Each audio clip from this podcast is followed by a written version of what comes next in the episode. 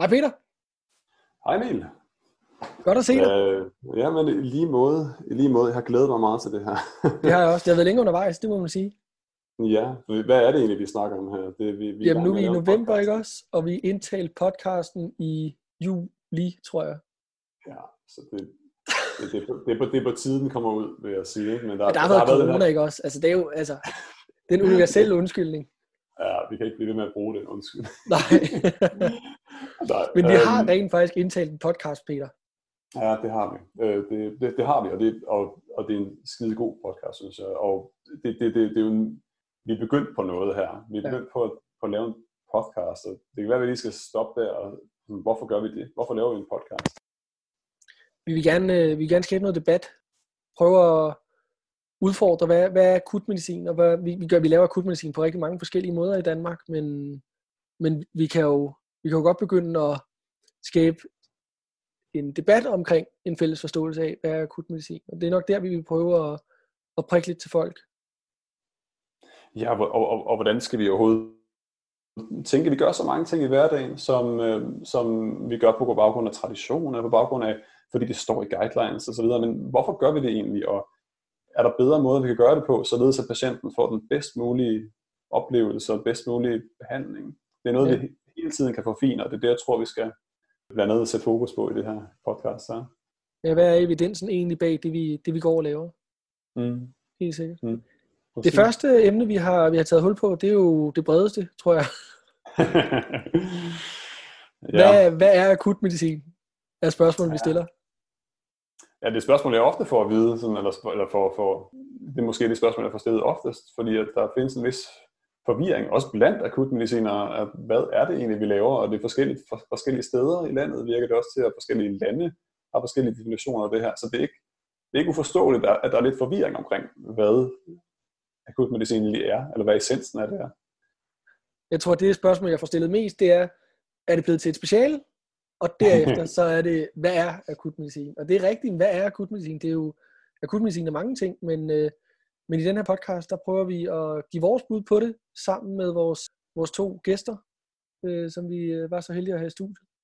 Ja, altså Anders og Julie er altså kilder af viden, ikke? og nogen, man kan kunne tale meget længere med, end den øh, times tid, vi nåede at få talt med dem. Ikke? Øh, men altså, jeg, jeg er meget glad for, at vi fik dem ind i studiet her til, det, til den her samtale, fordi, og det, det er noget, vi skal, det er nogen, vi skal snakke med igen, kan jeg, kan jeg allerede nu her sige, tror jeg. ja. ja, så er de, øh, de tunge medspillere i det akutmedicinske felt, det må man sige. Julia Skal. har været med til at øh, basalt set bære specialet frem i Danmark, og, og Anders han er en af de første reelt danske uddannede akutmedicinere via Sverige-model. Så øh, det, var, det var rigtig sjovt at have dem i, i studiet. Men Peter, det kan være, øh, det kan være, at vi lige skal præsentere os selv også, fordi øh, folk ved jo nok ikke engang, hvem vi er. Vil du starte, Emil? Så... Ja, jamen det vil jeg gerne. Jamen jeg, øh, jeg har i hoveduddannelse startet her den 1. november i øh, Køge Akutafdeling i akutmedicin. Det er jeg rigtig, rigtig glad for. Det har været længe undervejs. Jeg har været forbi øh, en akutafdeling i London, King's College, i, i mellemtiden, imellem at jeg tog min introstilling, og så at jeg nu er startet min hoveduddannelse i øh, akutmedicin. Men derudover mm. så har jeg været involveret i akutmedicin længe. Øh, blandt andet har jeg øh, længe været formand for Yngre Danske Akutmedicinere. Forud for det, der var jeg øh, næstformand, og nu er jeg blevet øh, for nylig stemt ind som næstformand i øh, Dansk Selskab for Akutmedicin. Og så bestyrer jeg med meget, meget, meget kompetent hjælp fra dig øh, hjemmesiden akutmedicineren.dk, som jo er Yngre Danske Akutmediciners hjemmeside. Så, øh, så jeg har været involveret i akutmedicin længe, men det er, det er først nu, jeg virkelig får lov at få fingrene i bolddejen med, her i hoveduddannelsen.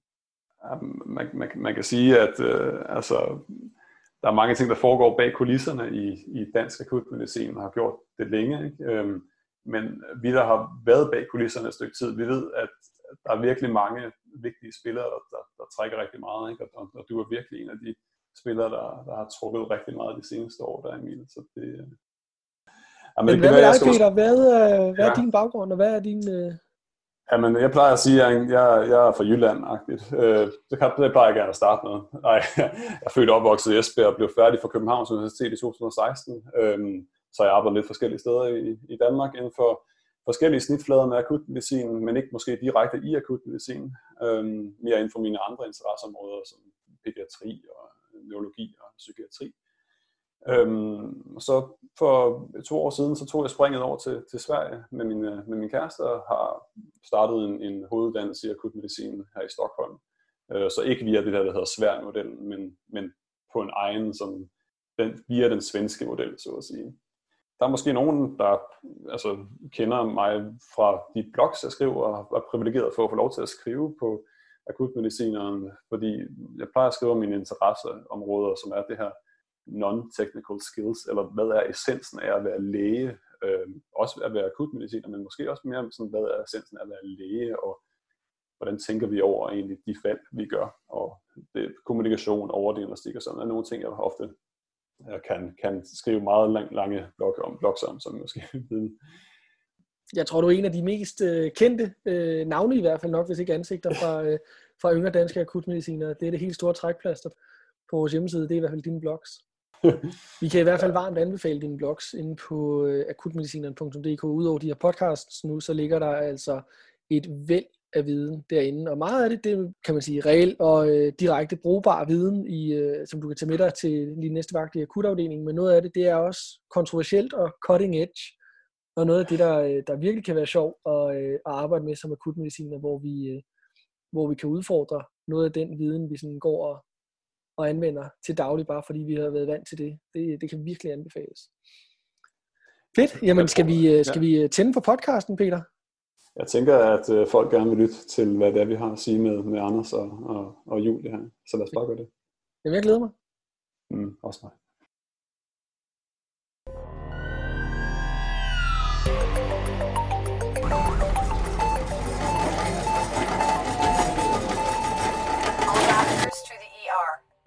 Fedt. Vi optager. Ja, vi optager. Ja.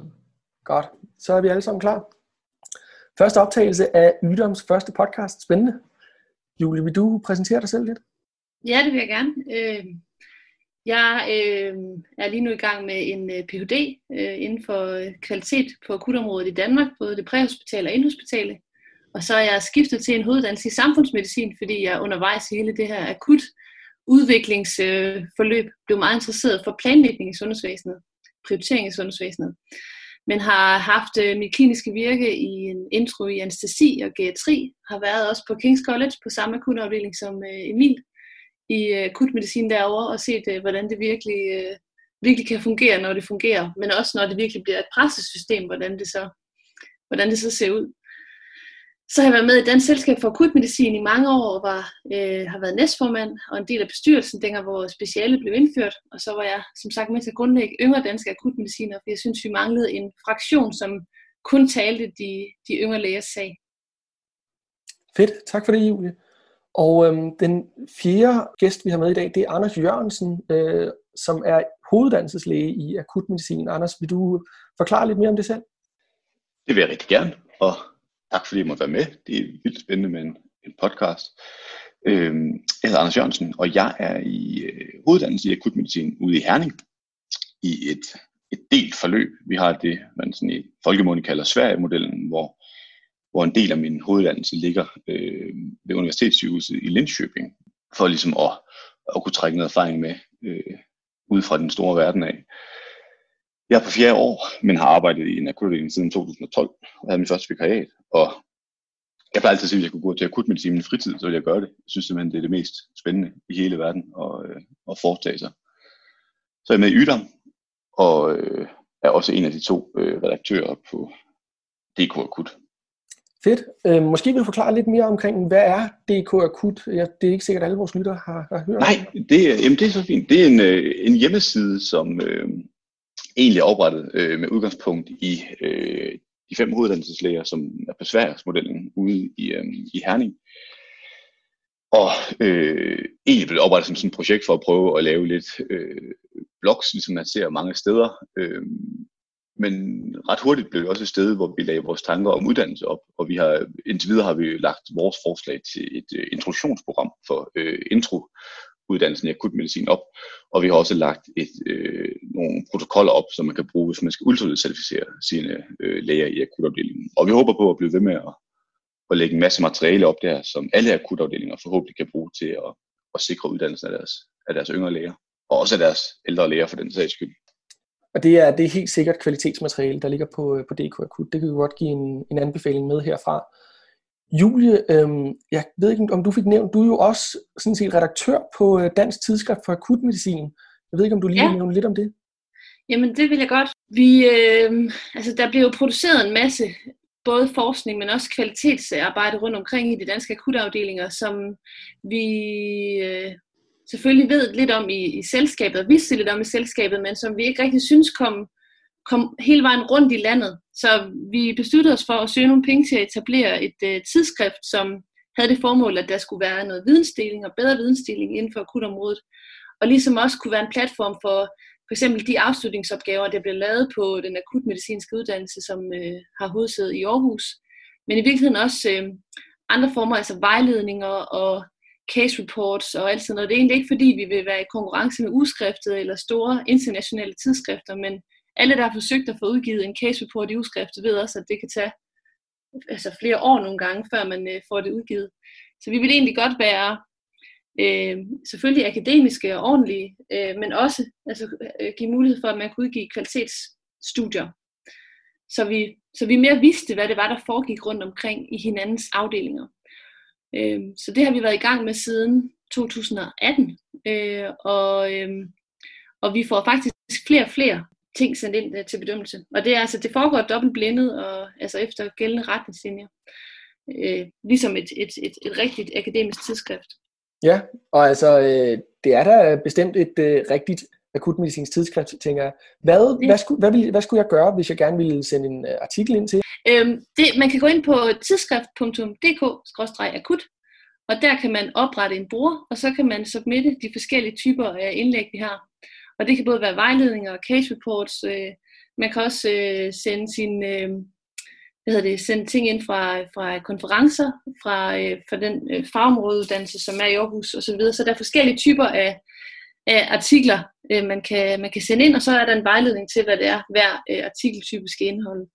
Så kan der gå fra nogle uger til måske også to til tre måneder, før man ligesom har været igennem første og anden runde bedømmelse, og den så bliver klar til udgivelse. Men det er cirka der, vi ligger på nogle måneder. Men det tror jeg er meget gennemsnit i virkeligheden for de fleste tidsskrifter. Tak for det. Og øhm, så tænker jeg, jeg vil også gerne høre lidt om, fordi man kan sige, nu er øhm, vi jo sådan set alle sammen kommet lidt, øh, kan man kalde det skævt ind på akutmedicin egentlig. Øhm, hvis vi starter med, med dig, Peter, hvad, hvad har egentlig ført dig til akutmedicin som speciale? Oh, det er... Øh, hvor lang tid har vi? det, det, det, det, det, er jo det er svært at sige øh, sådan enkel, en enkelt vej, fordi det har været lidt en, en fælles interesse for... Øh, jamen, øh, I skolen var det sådan, eller på studiet var det lidt sådan, at jamen, alt interesserede mig lidt, øh, men særligt det, der ligesom havde en snitflade med øh, den første time eller to timer, man så patienterne. Øh, det har været en, en slags rød tråd gennem hele mit studie, uden at jeg egentlig har vidste det på det tidspunkt, så har jeg altid, det er det, jeg har altid har søgt. Så tror jeg, det bliver som galvaniseret lidt mere, da jeg øh, lige efter studiet fik en mulighed for at komme på det her MCC-kursus og øh, arbejde sammen med, hvad hedder det, øh, den her øh, akutlæge i Sverige, øh, i Lund, der hedder Erik Driver, som øh, nogle af jer måske kender som uddannelseschair i, i, i USEM, den europæiske øh, akutmedicinske, øh, øh, det akutmedicinske selskab i Europa her.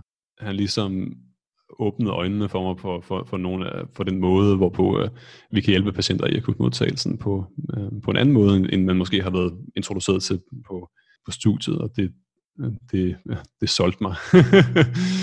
øh, ja, jeg, jeg er selv meget imponeret over, over Eric Driver. Jeg kan huske første gang, jeg mødte ham, det var, det var lidt en øh, åbenbaring i forhold til, hvad akutmedicin faktisk kan være. Han er, han er, han er ekstremt inspirerende og, og øh, jeg tror, vi alle sammen kan lære meget af ligesom, hans koncept med MCC-kurset, men også bare, øh, hvis man har mulighed for at høre ham, øh, eller få undervisning med, med ham engang, så øh, er det helt klart anbefalingsværdigt. Hvad med dig, Anders? Hvad, hvordan kom du ind i akutmedicin, og hvordan blev du involveret i det her øh, svenske forløb? Jamen, det var et, øh, et tilfælde, tror jeg. Jeg gik længe på studiet og tænkte, at jeg skulle være anestesiolog, øh, og det skulle være sådan noget blå blink og, øh, og bål og brand og alt muligt. Og så efter lidt tid, så blev det sådan lidt noget infektionsmedicin, jeg synes, det var spændende. Og så, øh, mens jeg gik der og tænkte, så kørte jeg egentlig bare helt død i studiet, og synes at det var virkelig noget lort at gå og, og læse og aldrig lave noget praktisk. Så jeg tog faktisk et vikariat.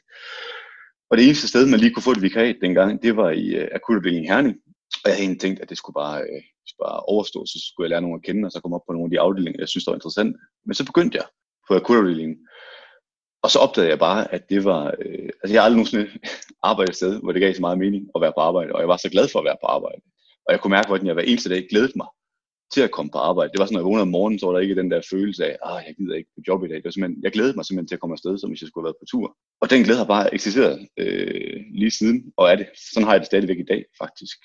Og så ville jeg egentlig godt blive ved, men der fandtes jo ikke akutmedicin i Danmark på det tidspunkt. Så heldigvis så øh, var Sverige, eller var Herningen netop begyndt at køre den her model med at sende nogle yngre læger til Sverige for at tage en, en svensk-dansk uddannelse. Så spurgte de, om jeg ville det. Og jeg kunne faktisk ikke forestille mig at arbejde noget andet sted, eller arbejde med noget andet speciale. Så, øh, så selvfølgelig skulle jeg det. Og siden da har jeg aldrig, øh, aldrig fortrudt den vej, jeg har valgt. Fedt. Ved du, øh, den svenske model, er det stadig en mulighed for danske uddannelseslæger, eller, eller er der lukket ned for den nu, hvor vi har vores eget speciale? Jeg kender jo kun øh, til Region Midt på det område, hvor jeg indrømmer, men der er den lukket ned, øh, desværre. Øh, og det er selvfølgelig for at sikre, at vi bruger vores egne øh, uddannelsespladser, tænker jeg. Øh, men jeg synes også, der er noget værdi i at, at hente noget erfaring fra udlandet, når vi er så unge speciale, som vi er. Men jeg accepterer selvfølgelig også fuldstændig, at, at der er sådan noget idé i at, at lave en dansk uddannelse, der passer fuldstændig til danske vilkår.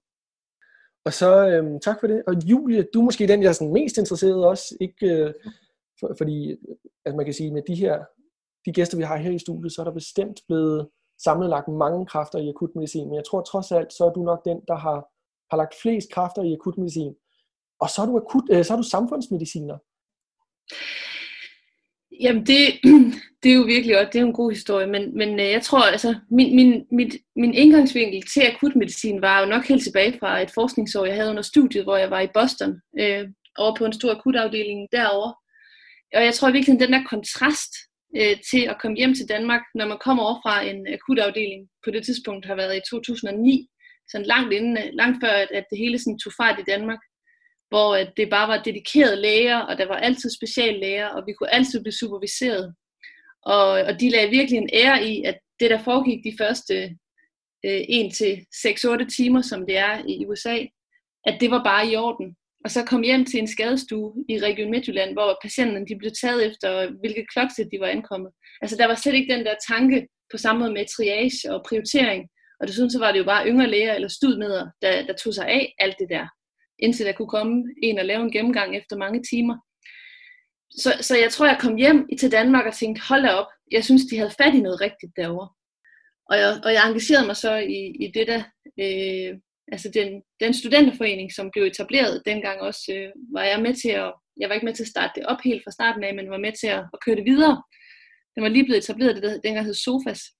Og fortsætter jo så min, altså primært faktisk min kliniske interesse for området, hvor jeg bare synes, at jeg synes virkelig, man kan gøre en forskel. Jeg synes, at det jeg så i Danmark, det var, det var ikke ordentligt. Og det var der jo heldigvis også andre, der havde set øh, og beskrevet sammen med Sundhedsstyrelsen, hvor er det, der skal sættes ind i Danmark, hvad er det, hvor kan man i virkeligheden løfte sundhedsvæsenet allermest, og det var jo rigtig meget på det akutte område. Det, var, det blev beskrevet både præhospitalt, men også indhospitalt, at der simpelthen var øh, kvalitetsbrist i vores sundhedsvæsen på det område. Men altså, det var min kliniske interesse, der, der trak mig videre og, og fik mig også til at tage den her intro i anestesi, hvor jeg fandt ud af, at det var kun en, en lille bitte del af det, at det er rigtig godt at kunne, og nogle af de håndgreb og, og måder at håndtere øh, meget dårlige patienter på, kan enhver akutlæge selvfølgelig bruge.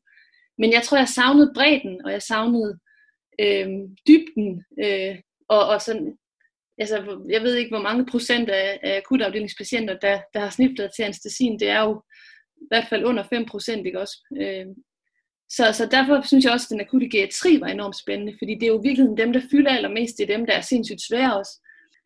Men så ligesom i hele det her, jeg blev involveret i selskabet, og hvem er det, der bestemmer noget, og hvem har bestemt hvad, og de lægevidenskabelige selskaber havde en masse magt, og Sundhedsstyrelsen havde noget at skulle have sagt, og kan man overhovedet få et nyt speciale?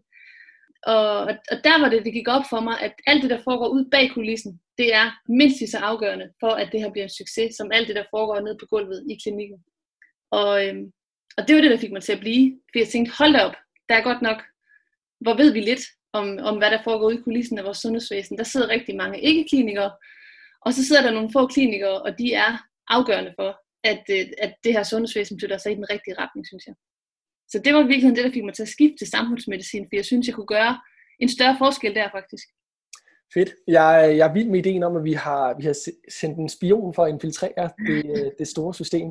Det, det er godt at have en allieret derinde i hvert fald. Jamen, vi havde jo vi havde nogle stykker på det tidspunkt, var Dan Brun Petersen jo formand for selskabet, og han var jo i gang med at blive samfundsmediciner.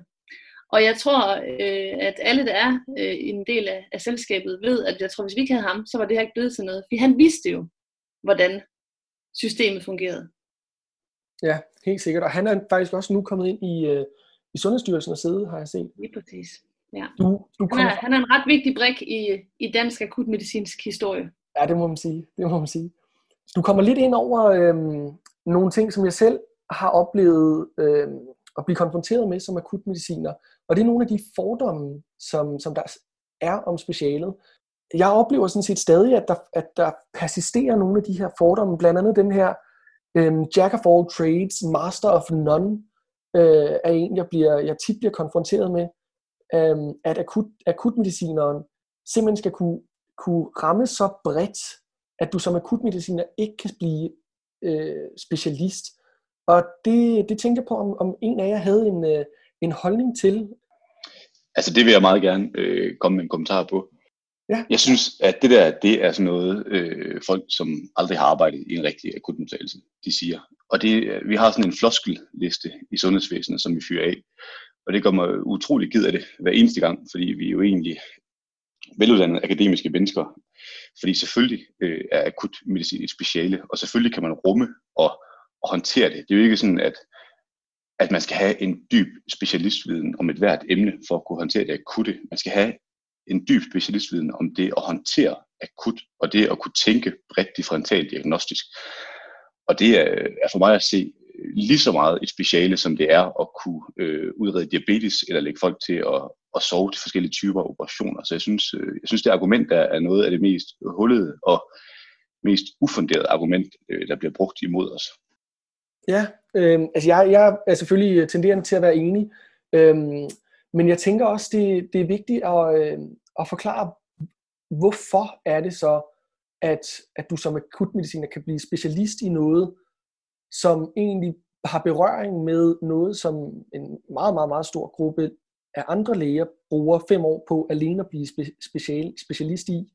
Og jeg, jeg selv blev lidt klogere på det, da jeg, da jeg læste en bog, der hedder An Emergency Medicine Mindset, øh, som er skrevet af øh, akutmediciner i, i USA, hvor jeg nok kom forbi det, som jeg mener er den bedste, altså den mest rammende beskrivelse af akutmedicin, som det eneste tidsbaserede speciale, hvor vi som akutmediciner jo faktisk ikke rigtig beskæftiger os med noget specifikt organsystem, eller en, en bestemt fysiologi, eller, eller teknik som radiologer.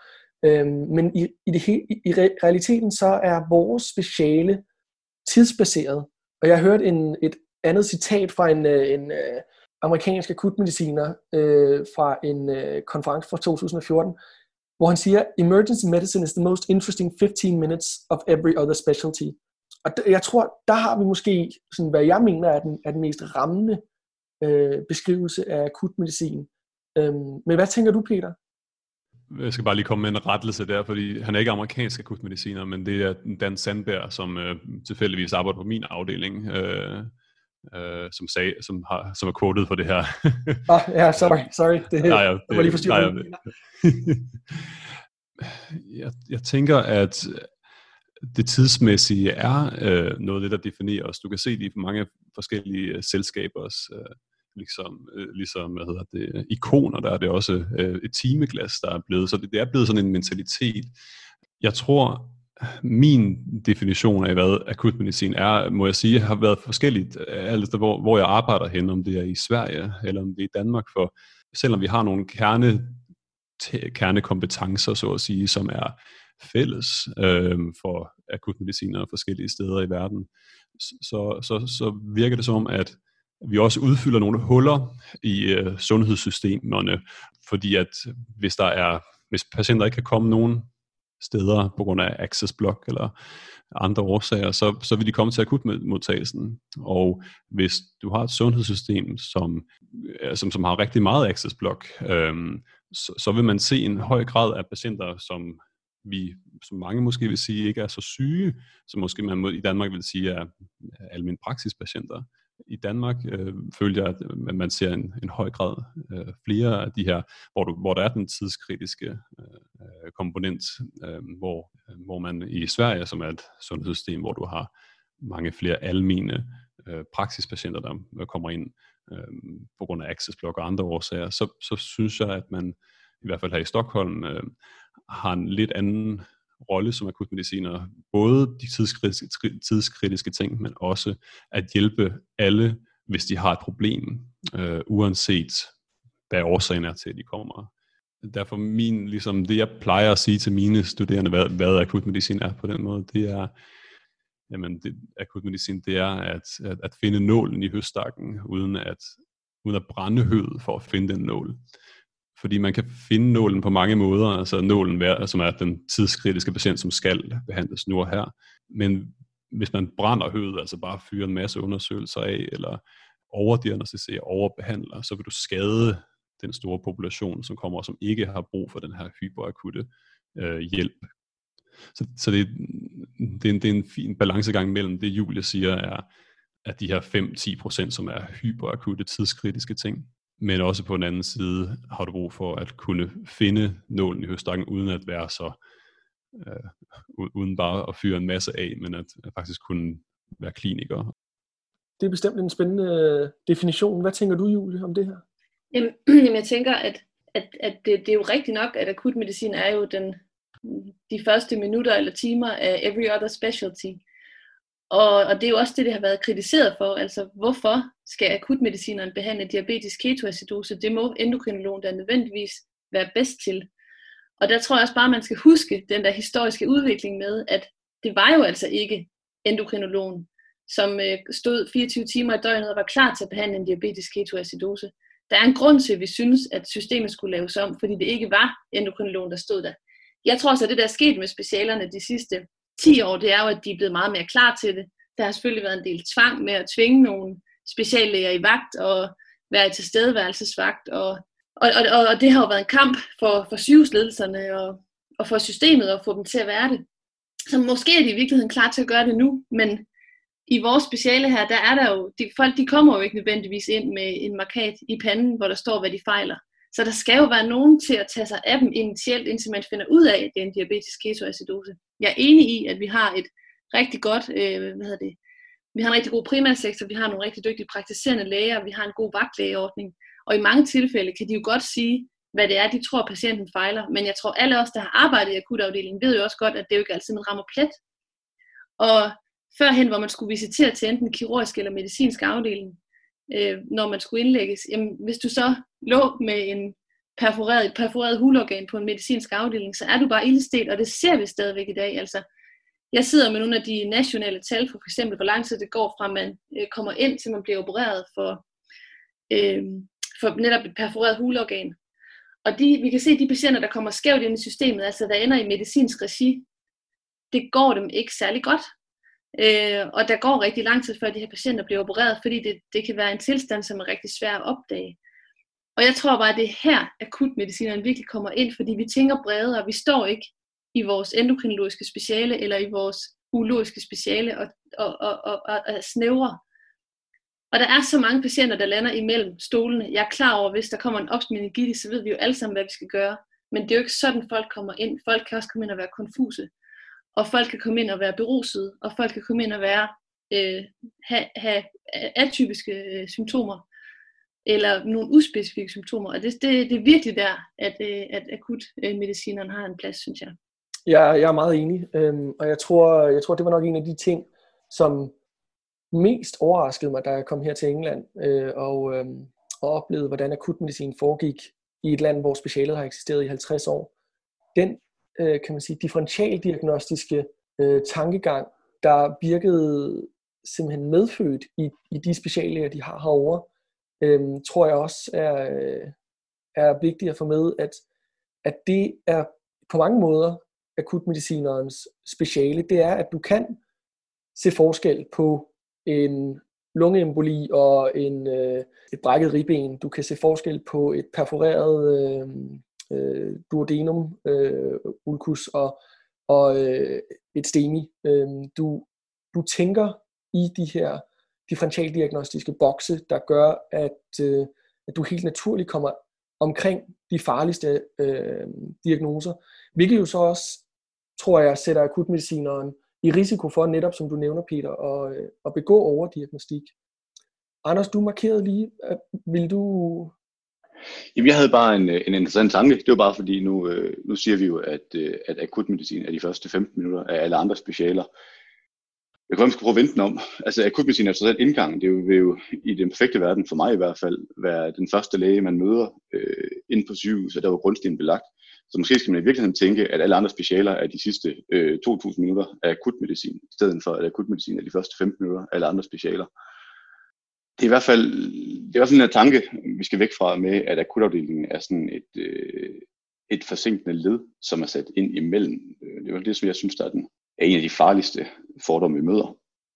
Jeg tror i stedet for, at man skal tænke på akutmedicin som et sted, hvor patienten bliver tilbudt den behandling og udredning, de har brug for, når de har brug for det. Øhm, og de bliver tilbudt det af læger, som vil og som kan tilbyde den udredning og behandling. Og slut så tror jeg også, at vi skal være et sted, som gør det under hensyntagen til ikke bare den patient, som står foran os, men også den næste patient, så vi ikke brænder alle vores ressourcer og tid af på den ene patient, men også tænker på de næste 99 patienter den dag. Jeg tror, det er alle de tre ting, vi skal, vi skal rumme som akutafdeling for at, at opfylde øh, vores plads, øh, både for patienterne og for vores kollegaer og for vores samfund. Øh, jeg, kan godt, jeg kan godt tænke mig at, at, at, at spørge, øh, nu nævnte Jule det her med, at vi skal ramme plet. Og jeg ved ikke rigtigt om, øh, det ved jeg ikke rigtigt om, jeg altid definerer min rolle som, at jeg skal ramme plet. Øh, jeg skal i hvert fald reducere risikosigene, kan man sige, men øh, jeg skal, når jeg ligger en patient ind, så er det ikke altid, jeg ved, hvad det er, patienten fejler, men jeg kan sige, at patienten er syg nok til, at jeg ikke tør sende dem hjem vi talte om fordomme, og hvorfor nogle af, øh, nogle af specialerne har fordomme om os. Øh, øh, de ser jo den her patient, jeg har lagt ind her, og kan måske ikke forstå, hvorfor fanden jeg har lagt den her patient ind. Øh, har, det, har, har, det, har det den her, det vi kalder fishbowl medicine, at alle kan kigge ind på vores afdeling, har, har, har det noget at gøre med, at, at, at folk måske har svært ved at forstå, hvad det er, vi laver, og hvad vores ekspertise egentlig består i? Altså, jeg tror, du har ret i, at, øh, at det man jo skal huske for akutmedicin, det er jo, at det er sådan set en helt anden øh, population, end det er for resten af specialerne på hospitalet. Fordi vi ligger jo der midt imellem, som du også selv har været inde over, almen praksis patienterne og hospital, hospitalspatienterne, de indlæggelseskrævende og de ikke indlæggelseskrævende. Der nævner du selv det her med, at det er vigtigt at, øh, at kunne finde de rigtige øh, nåle i høstakken, uden, uden at brænde, brænde hele høstakken af. Øh, men, men jeg tror også, og det er måske også det, du er lidt inde over, Anders, at det er meget nemt at kunne se tilbage på en patient, der er blevet indlagt og tænke, om var det nu virkelig nødvendigt?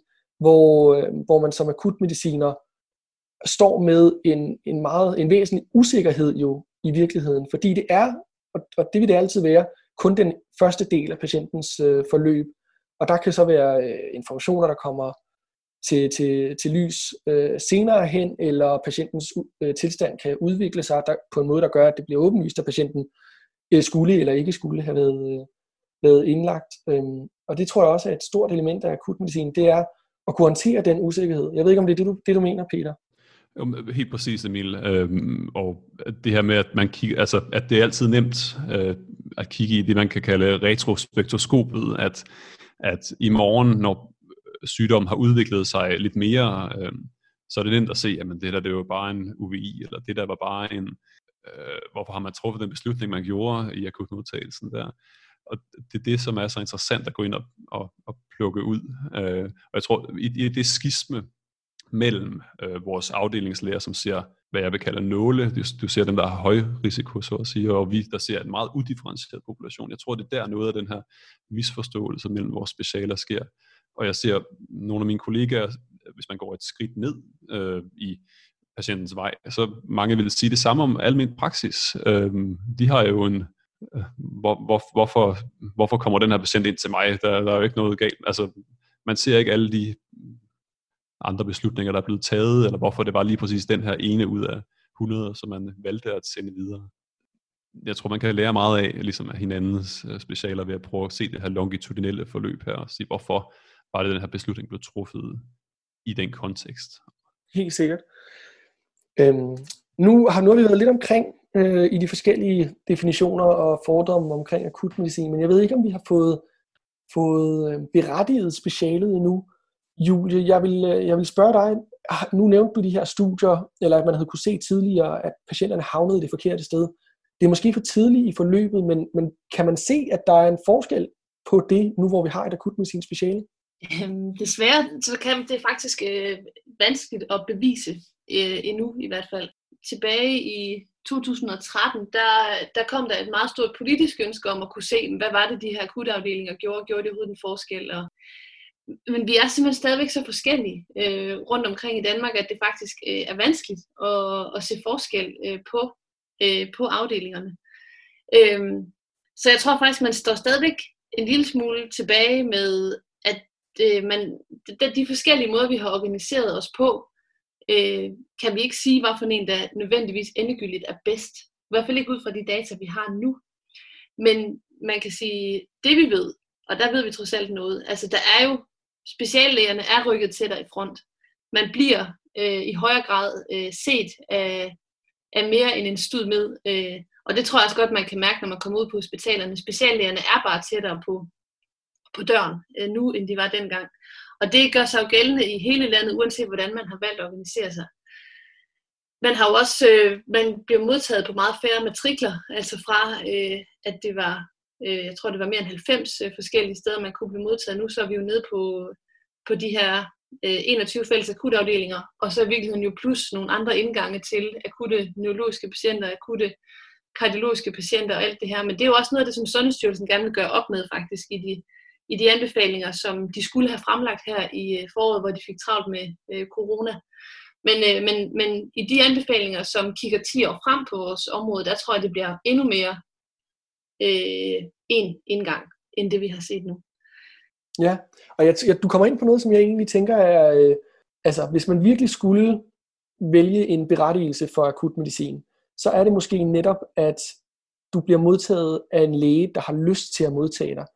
Fordi det, at du har speciallæger, og, og det, er, det er det jo reelt, øh, både dem, der nu har fået merit, og også der, der ender med at blive færdige med uddannelsen, speciallæger i modtagelsen og stabiliseringen af patienter med udifferentierede øh, symptombilleder. Det gør jo en forskel i forhold til at have en akutafdeling, som trods alt også var i høj grad indgangen for mange patienter før specialet, hvor du har yngste mand i front og yngste mand, der har svært ved at få fat i en speciallæge, fordi det er jo trods alt også speciallæger, der har deres egne patienter og deres egne øh, ansvarsbehov øh, eller ansvarsområder, altså kirurger, der stod og opererede og, øh, og så videre. Jeg tror, øh, også for at vende lidt tilbage til noget, det vi har sagt, så tror jeg også, det er en, en erkendelse af, at det altså er et, et speciale. Det faktisk, øh, det kræver selvfølgelig vilje, som du siger, og det tror jeg er meget, meget vigtigt. Det kræver tilstedeværelse 24-7, det er også meget, meget vigtigt.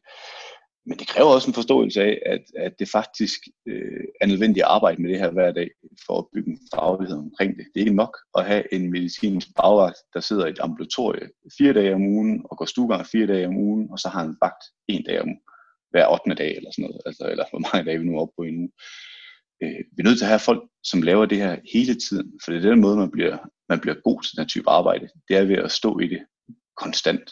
Og det, det tror jeg simpelthen ikke, man kan, kan understrege nok, at, øh, at specialister de kommer altså af og, og gør tingene rigtig, rigtig mange gange. Ja, helt sikkert.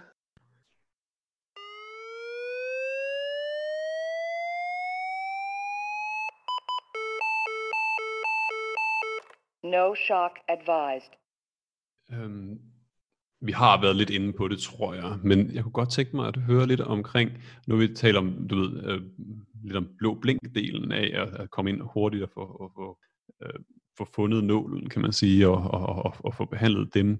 Jeg kunne godt tænke mig at tale lidt omkring, jamen, det meste af det, vi laver i virkeligheden, det er jo at se, altså, hvis det kun er, som Julia siger, 5-10% af dem, der må skal se, som er, som er, som er sådan rigtig syge og tydeligt syge, som skal, øh, skal indlægges hurtigt og sådan, så har vi jo en stor population, som ikke rigtig, øh, måske, altså som skal hjem.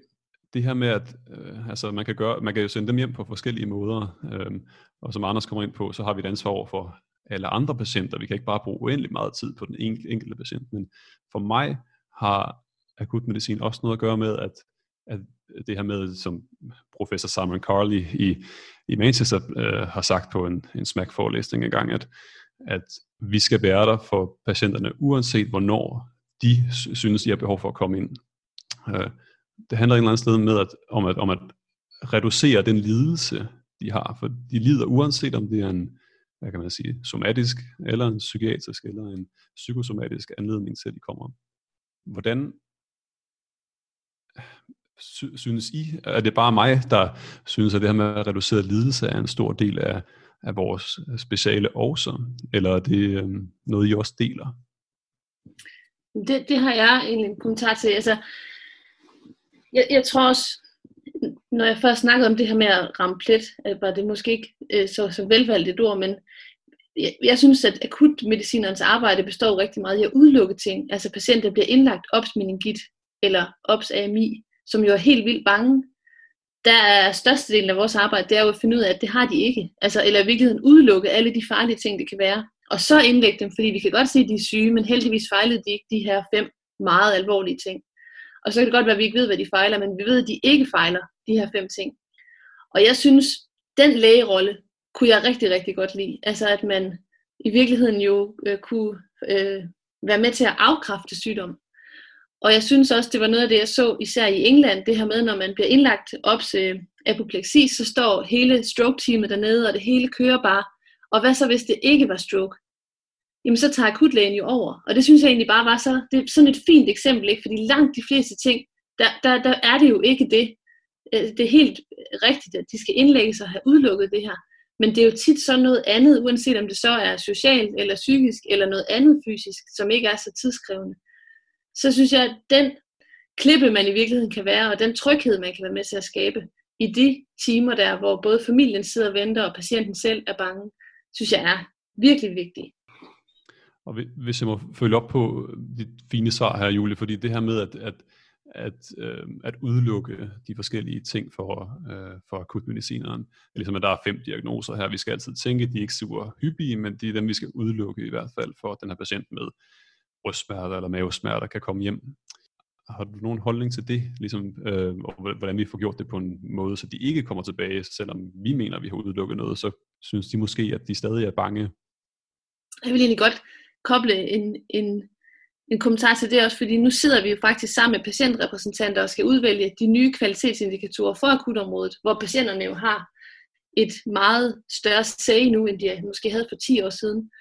Øhm, og det, noget af det, de siger, det er, at de er egentlig ligeglade med, hvem der behandler dem. De vil selvfølgelig gerne have den rigtige behandling, og det er jo selvfølgelig vores opgave, så at finde ud af, hvem der kan give dem den. Men så noget af det, de siger, det er, at vi vil gerne have information. Altså, det, det er deres to vigtigste ting. De vil gerne have den rigtige behandling og have den rigtige information til tiden. Og og der har vi jo en kæmpe stor kommunikationsopgave. Men vores kommunikationsopgave går jo også i høj grad ud i øh, primærsektoren. Netop, hvordan får vi dem sendt hjem? Hvad er det for nogle alliancer, vi skal have ud på den anden side? Og hvis man kigger i Sundhedsstyrelsens anbefalinger for de næste 10 år, så er det virkelig samarbejde, det her det handler om. Det handler om at kende den kommune, man sender patienten hjem til, eller vide, hvad er det for nogle tilbud, der er. Det handler om at kunne samarbejde med de pårørende, det handler om at kunne samarbejde med plejecentrene, det handler om at kunne samarbejde med psykiatrien. Det er der virkelig ikke særlig meget blå blink over, men det synes jeg er en helt afgørende rolle for akutlægen, at man skal kunne kende de tilbud, der er i primærsektoren, der hvor man arbejder. Fordi så kan vi få patienterne hjem på en ordentlig måde. Du, du taler til nogle af de ting, som for mig i hvert fald øh, ringer rigtig øh, sandt, altså noget, som jeg synes er helt, helt kerneelementer af, af akutmedicin. Og øh, hører jeg dig sige også, at, at det her med, at jamen, akutmedicin i virkeligheden også defineres lidt af, af, af, af, vores af, af de opfølgningsmuligheder og, og, et, og et fungerende sundhedssystem. Altså, vi kan ikke fungere isoleret, så at sige. Vi behøver virkelig at kende til Øh, Øh, almindelig praksis, at patienten har en kontinuerlig opfølgning, således at vi kan slukke branden, så at sige, men at behøver en længere kommunikation med, med andre elementer af sundhedsvæsenet. Jeg tror i hvert fald, at det er helt rigtigt. Øh, den måde, man også, i stedet for at snakke om, hvad er det for en kvalitet akut afdelingen leverer, hvad, så skal man spørge sig selv, hvad er det for en, en kvalitet akut sygehuset leverer, hvad er det for en, en kvalitet akut systemet, fordi vi er jo ikke noget uden hinanden. Altså, der er jo ikke nogen afdelinger, der kan fungere helt selv. Og, og det kan vi heller ikke. Og vores snitflade, den går jo ud til primærsektoren, den går ud til præhospitalet, den går ud til øh, plejecentrene.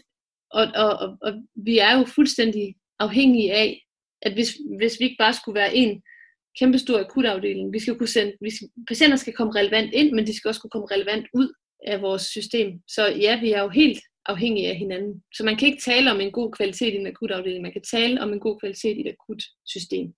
Jeg er også øh, jeg er enig, helt enig i det, I siger, men, men egentlig så, øh, så vil jeg også tage den lidt videre, fordi altså man kan sige, det her med at skulle kommunikere ordentligt med, med praktiserende læge ved udskrivelse og med, øh, med plejehjemmet, hvis det er der, patienten kommer fra, det, det er jo også tilfældet fra hospitalsafdelingen, når de først udskriver, men jeg tror specielt for akutafdelingen og for akutmedicineren, der tror jeg især, det, det handler også om forebyggelse. Det er en af, en af de helt store opgaver, vi på, på akutafdelingen og som akutmediciner også har, hvor mange af de her patienter, som, som du også nævner, Peter, der kommer ind, hvor vi får udelukket de farlige ting, og man kan sige, jamen, der er ikke noget indlæggelseskrævende her, du skal, du skal udskrives.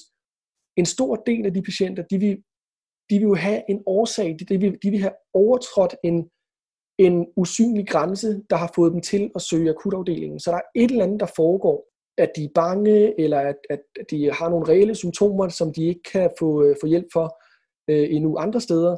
Og der tror jeg, at vi som akutmediciner har en meget stor rolle i forebyggelse af, at de her tidlige symptomer, de udvikler sig til noget, der, øh, der kan ende med at blive alvorligt. Altså, vi skal kende vores øh, område, vores øh, tilbud i kommunen omkring også sådan noget som, som misbrug og, og psyki, psykiske problemer, vi skal kunne henvise patienter de rigtige steder hen, for ligesom at øh, samle op på den mulighed, vi får for tidlig symptomopsporing og tidlig igangsættelse af behandling. Ja, så vil jeg sige, altså når det, når det handler om forebyggelse, så ligger der jo en, en rolle, som ligger langt før vores. Jeg tror, øh, jeg håber jo, at der er langt flere kliniske akutmediciner, som på en eller anden måde går ind i, i det arbejde, der ligger i planlægningen i sundhedsvæsenet, fordi vi ved, hvad der foregår dernede.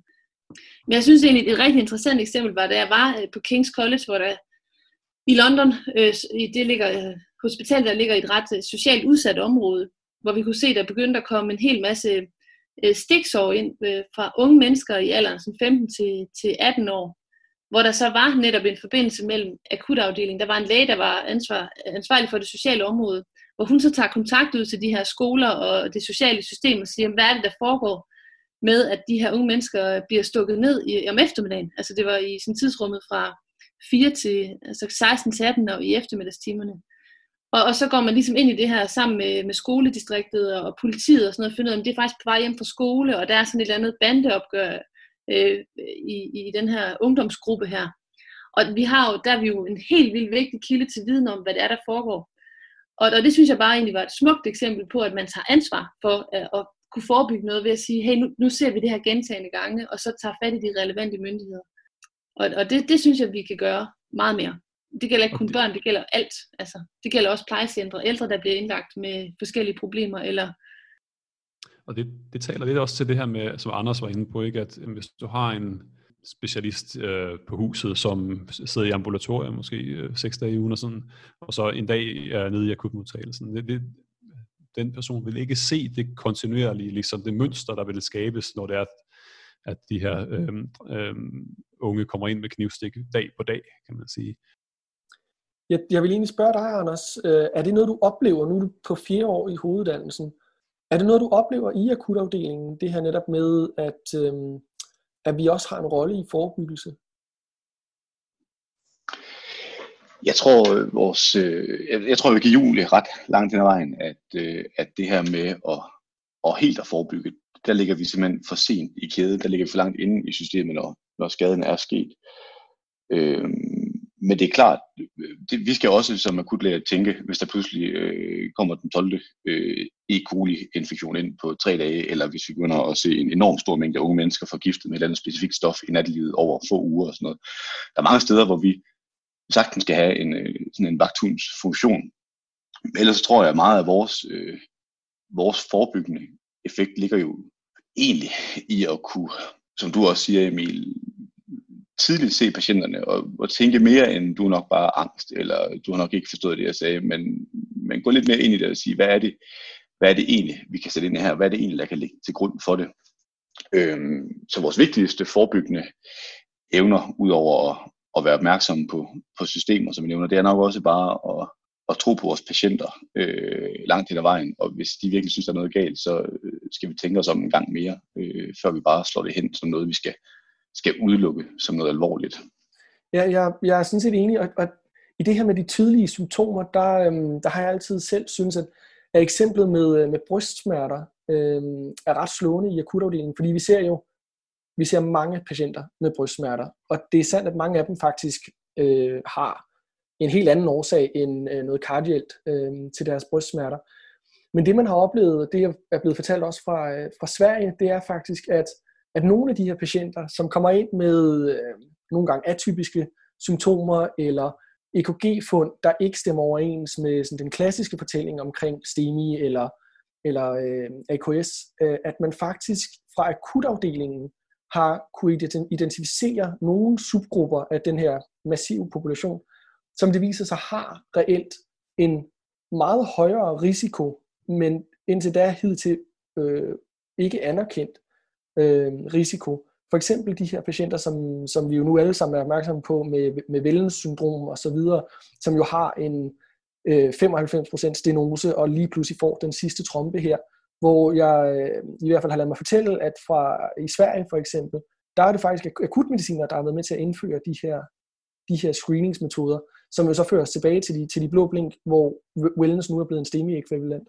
Jeg, jeg tror, at, jeg ved ikke, som, som speciale, øh, nu hvor vi taler hvad er, om, hvad akutmedicin egentlig er, så tror jeg også, øh, på en eller anden måde øh, er vi måske en slags vagthund rent videnskabeligt for nogle af de andre øh, specialer. Øh, ikke fordi de ikke laver deres arbejde ordentligt overhovedet, men øh, hele den her FOAM-bevægelse, Free Online øh, Access øh, Medical Education, um, som vi jo lige nu er en del af, uh, den har, den er både med til at gøre, at meget af det, der ville tage 10 eller 20 år, før det ligesom blev praksis, den, den er øh, ved at ligesom reduceres. Øhm, øhm, og, og, og jeg tror også, vi har, vi har mulighed og evne øh, øh, til ligesom at se nogle huller nogle gange, som måske inden for, øh, inden for det enkelte speciale, som i det her tilfælde vil være kardiologi, måske er, for, er, er, er forskellige traditionelle ting, eller forskellige paradigme, tank, øh, måder at tænke på, og sådan, øh, måske ikke, ikke vil have, have nået, eller se dagens lys så hurtigt, at, at vi ligesom kan se huller i øh, andre specialers øh, teorier, øh, når vi ser de patienter, vi ser nede på gulvet her, og vi, og vi mm, tør at, at, at tale omkring det her. Øh, det du refererer til, Emil, her, det er den her OMI-manifesto, øh, tror jeg, som, som øh, en, en blog, som hedder Dr. Smiths øh, EKG-blog og EMCRIT satte fokus på, øh, netop at de her, at inden for STEMI-paradigmet, øh, så misser vi 25% af dem, der behøver akut PCI. Ja, jeg tror, det, det, og jeg tror, det, det her med, at vi kan, vi kan øh, ydmygt, men, men, men stadig bestemt prøve at sige, øh, om der er nogle huller her for, for, øh, for, for netop vores population, som er, er den her atypiske, udifferentierede, som ikke nødvendigvis kommer på den typiske måde, som er defineret af, af, af specialerne. Øh, men, øh, og netop fordi vi, vi, vi får eksperter, øh, det vil sige os, kigger på de, den her udifferentierede population på en helt anden måde, end det tidligere er blevet gjort, det tror jeg er en stor styrke for, for patienten og for samfundet på den måde. Whoever's looking for general surgery, 44380, general surgery 44380. Jeg tænker, vi har, vi har snakket længe om, om hvad akutmedicin er nu og så videre. Er der nogen af jer, der har øh, fået opdateret, eller hvad kan man sige, vi, øh, vi, vi gentager jeres definition af akutmedicin, også sådan bygget på det, vi har, det, vi har været omkring nu? Altså min definition øh, er stadigvæk, at man skal tilbyde patienten den hjælp, han eller hun har brug for, når der er brug for det. Og den skal tilbydes af læger, som kan og som vil tilbyde den behandling øh, under størst mulig hensyntagen til alles interesse. Det, det, det var smukt sagt, Anders. Jeg, jeg, jeg tror ikke, jeg kan tilføje meget til det. Min, min definition plejer er lidt mere øh, øh lyrisk, så at sige. Det er den her med, at jeg synes, at man øh, som akutmediciner øh, skal finde nålen i høstakken uden at brænde høvet. Ja, jeg, jeg tror, jeg, for mig at se, så er akutmedicineren eller akutafdelingen en katalysator i det store sammenhængende akutsystem. Vi er en rigtig vigtig brik, øh, og jo dygtigere vi er, desto, desto, desto mere optimalt fungerer hele det samlede akutsystem, men vi er meget afhængige af hinanden. Det er øh, godt sagt, alle tre, det, øh, det synes jeg. Her til sidst, der vil jeg øh, lige komme ind på, på et øh, par spørgsmål, som jeg tænker, det også øh, er spændende at snakke om, fordi nu er akutmedicin jo et, et meget nyt speciale, og indrømmet med, øh, med fortsat store problemer både i etableringen og regionale forskelle i uddannelse osv. Men hvad mener I er den største udfordring for akutmedicin lige nu? Jeg ser, øh, jeg ser to problemer. Øh, for det første så ser jeg et hospital, som er organiseret af folk, som aldrig har arbejdet i en, i en moderne akutmodtagelse, og som ikke i tilstrækkelig grad formår at, at gøre akutmodtagelsen til det, som den kan, og det, som vi gerne vil gøre den til.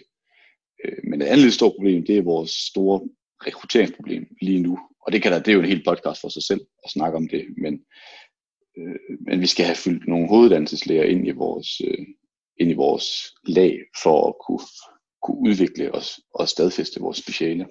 Jeg vil gerne øh, tilføje til, jeg er helt enig med Anders her, om at det her det er øh, nogle af de store udfordringer her. Øh, en udfordring, jeg derpå også ser, det er det her med, at at, at nu vi taler om, at, at akutmedicin er et lidt øh, hvad kan man sige, risky speciale, eller det at øh, vi skal kunne håndtere en eller anden form for usikkerhed, fordi at vi, kan aldrig, vi får aldrig nok data om patienten til at være 100% sikre. Det betyder også, at vi er et speciale, som øh, uværligt vil lave mm, flere af det, man øh, i systemet vil kalde fejl eller patientfejl, øh, hvor, de ikke, hvor vi ikke rammer plet, men at øh, og, og, og det er nemt at se, som vi taler om øh, retrospektivt, at sige, jamen det her det var en fejl, men når man står i situationen og skal træffe beslutningen, så var det det ikke. Eller det er, i hvert fald, det, det er i hvert fald meget mere nuanceret. Og jeg tror, det er en af de store udfordringer, hvordan vi, øh, vi, hvordan vi uden at bestille CT-scanninger på alle, kan være modige nok og, og få en kultur i systemet, som accepterer øh, og indser, at, at, øh, at, at, at, det er u, at vi uværligt kommer til at lave nogle patientfejl, øh, øh, fordi det kan ikke være på en, anderledes, øh, på, på en anden måde.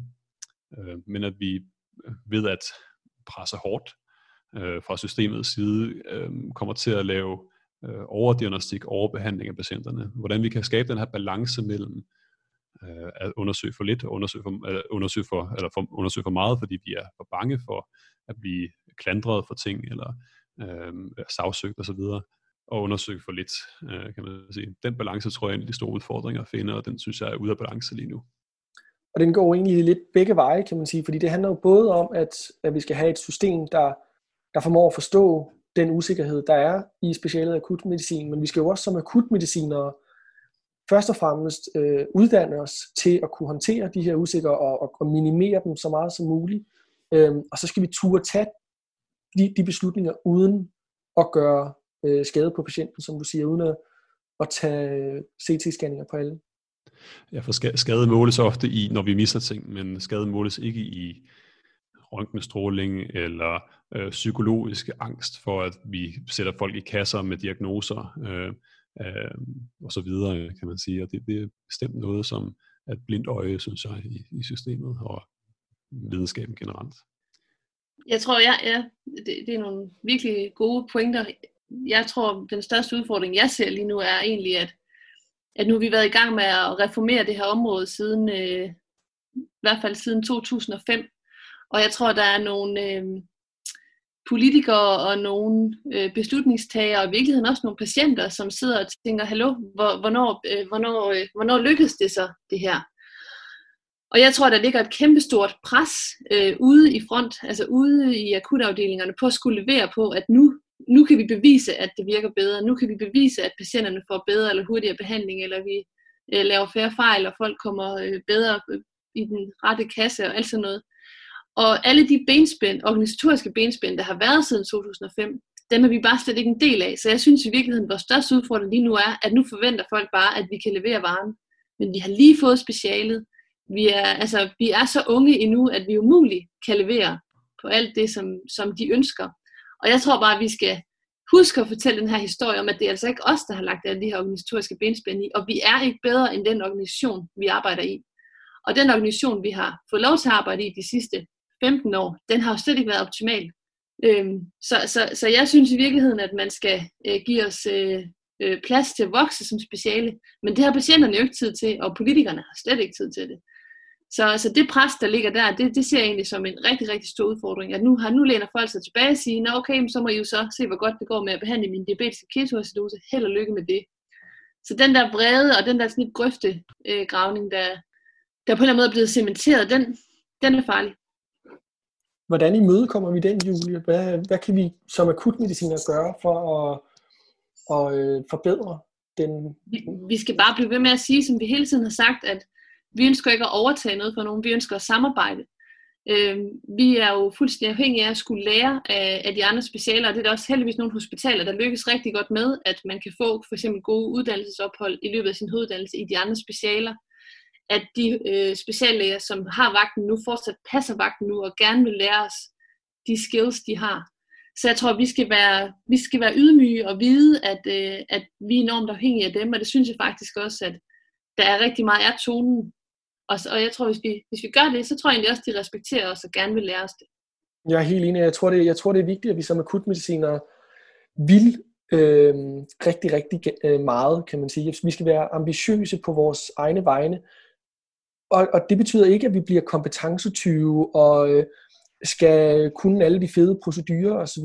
Jeg selv har altid set det som, at jamen, egentlig så er det ligegyldigt for mig, hvilke specifikke procedurer eller øhm, fede øh, kompetencer, øh, en akutmedicineren skal have. Det, det egentlig defineres af, det er, hvad er behovet i akutafdelingen. Øhm, og så længe vi har den tilgang til det, at jamen, hvis, der, hvis der er en mangel, øh, hvis der er et behov, patienten har, når patienten opholder sig i akutafdelingen, som ikke bliver opfyldt, jamen så, så er det noget, vi som akutmediciner skal kunne. Og jeg tror, at, at hvis vi har den tilgang til det, at jamen, det vi vil, det er at være et fællesskab omkring patientens behov, og så længe vi som hospital sammen kan løfte den opgave til en standard, som vi kan være patienten det bekendt, så, øh, så er vi sådan set som akutmedicinere ovenud lykkelige, og, øh, og vi meget gerne bidrage til det, men, men der er nogle behov, og har været nogle behov, som, som simpelthen ikke bliver opfyldt, som vi gerne vil være med til at udfylde. Du markerede også lige, Anders.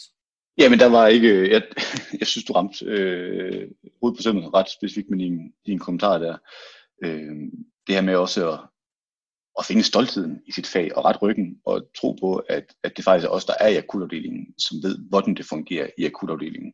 Og det må vi aldrig stoppe med at, at blive med at sige. Og så er jeg enig med dig, man skal, øh, man skal tænke på, at procedurer skal udføres der, hvor de giver mening, og patienter skal, skal behandles, som det giver mening der, hvor, hvor man bedst kan øh, og altid have, have det for øje, at det handler om at give patienten det bedst mulige tilbud. Og hvis man, hvis man altid har det med sig, så tror jeg, at, at det er meget, meget svært at være uenig.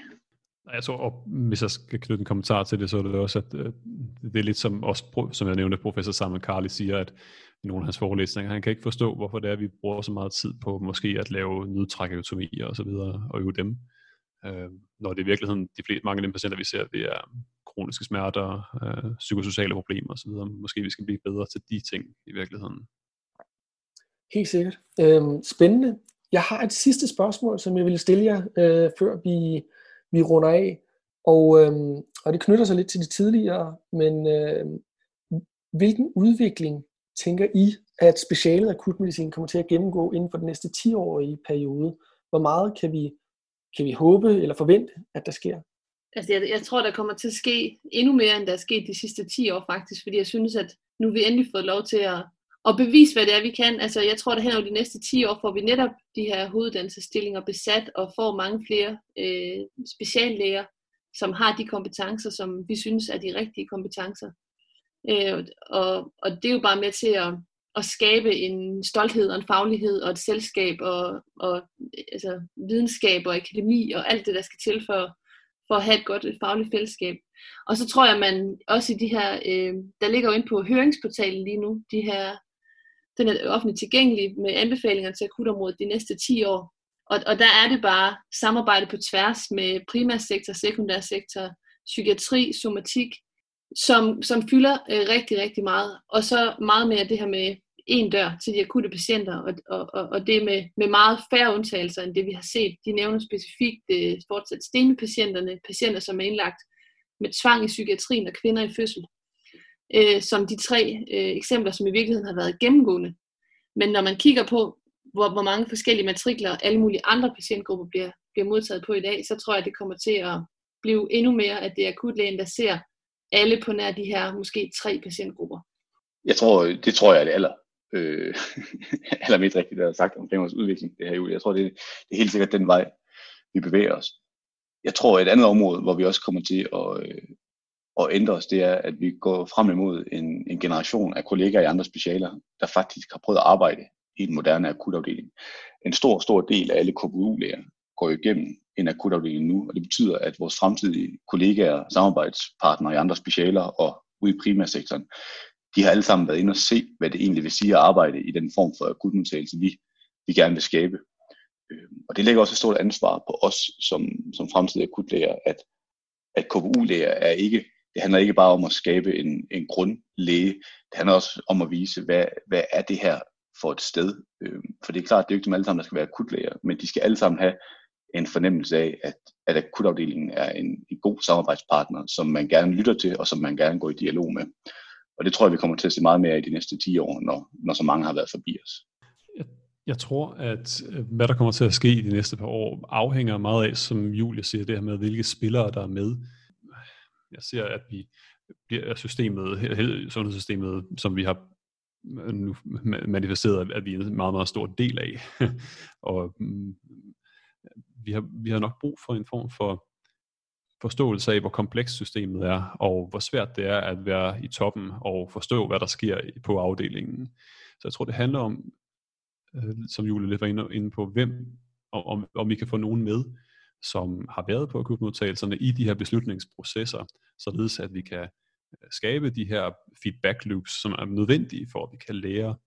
Og får vi, får vi det skabt, får vi skabt en form for forståelse af det, den her kompleksitet, som vi nu har brugt øh, øh, en time på at tale om her, øh, og vores opgave, så tror jeg, at, at, at, øh, at de næste par år, øh, at, at vi kan se en udvikling i forståelse af vores arbejdsmiljøsituation, forståelse af, øh, hvad hedder det, vores ekspertise, og hvorfor der er behov for os. Øh, og, og i sidste ende, øh, hvad, hvad det alt sammen drejer sig om, forståelse af, hvad patientens behov er, og hvordan vi på bedst mulig måde kan løse det ved at have det her speciale.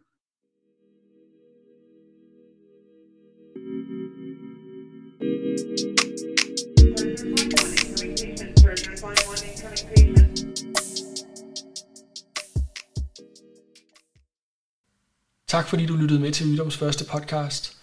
Vi håber, du har nydt den. Vi planlægger at lave en masse flere podcasts i fremtiden, så vi hører rigtig gerne fra dig med ris og ros og forslag til yderligere emner, som du gerne vil høre omkring inden for, øh, for specialet akutmedicin. Har du ellers øh, lyst til at læse mere øh, omkring specialet akutmedicin, så kan du finde meget mere materiale inde på vores hjemmeside www.akutmedicineren.dk, hvor vi blandt andet har en hel række af blogs inden for alle mulige områder og felter, som er relevante ikke kun for akutmedicin, men også for dit generelle lægearbejde. Vi siger tak for denne gang, og tak fordi du lyttede med. Thank you